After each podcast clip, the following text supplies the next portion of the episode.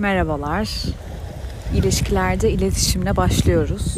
Bir anda hem bu döneme de bu dönemin enerjilerine de uygun bir şekilde ilişkiler, aşk, sevgi konuşmak çok uygun.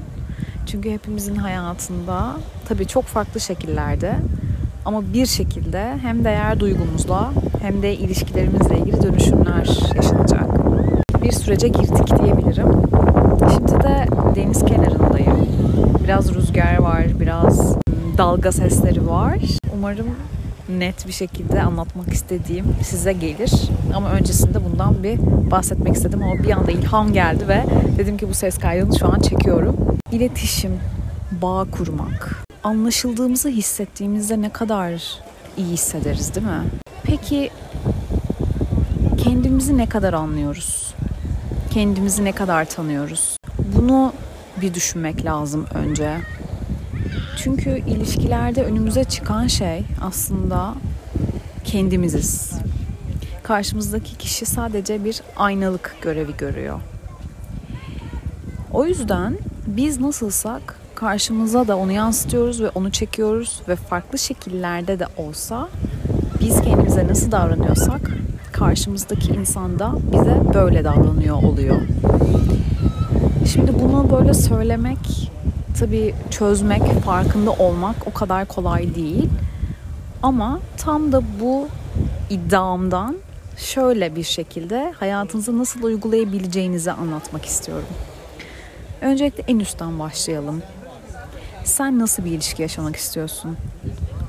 İletişimin nasıl olmasını istiyorsun? Huzurlu bir ilişki mi? Tutkulu bir ilişki mi? Eğlenceli bir ilişki mi? Hepsi mi? Bunların içinde hepsi mi olsun istiyorsun?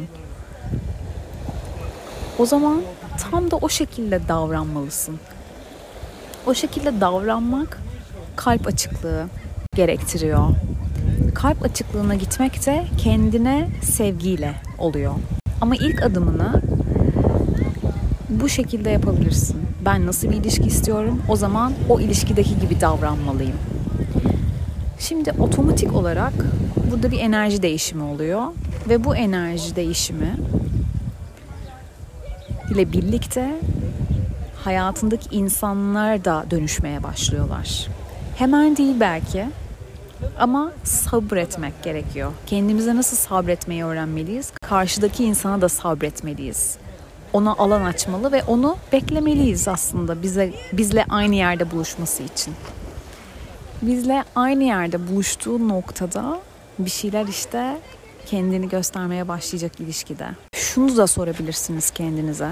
Karşımızdaki insandan ve doğal olarak aslında birçok insandan da şikayet ettiğimiz, gıcık olduğumuz şey nedir? Onların o davranışları nedir? İşte bütün sihir burada yatıyor. Egomuzu bir kenara bıraktığımızda o zaman anlıyoruz ki aslında biz o tam da şikayet ettiğimiz davranış şeklini başka bir şekilde kendimize uyguluyoruz. Ve bu yüzden kalbimizi kapamışız. O yüzden ilk sorunuz kendinize bu olsun. En çok neye gıcık oluyorum? Ve ben nasıl bir ilişki yaşamak istiyorum? Eğer bunları uygulamaya başlarsanız hem kendinizi tanır hem karşınıza bir alan açar. Kendinize de aynı o alanı açtığınız gibi ve aynı noktada buluşursunuz. Buluşmuyor musunuz? Bunu süreç gösterecek elbette. Ama o zaman da sizinle orada buluşan biriyle eşleşiyorsunuz zaten.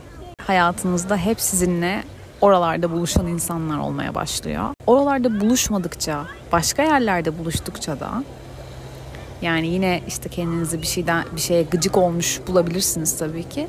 Hemen kendinize dönün. Ben kendime nasıl davranıyorum?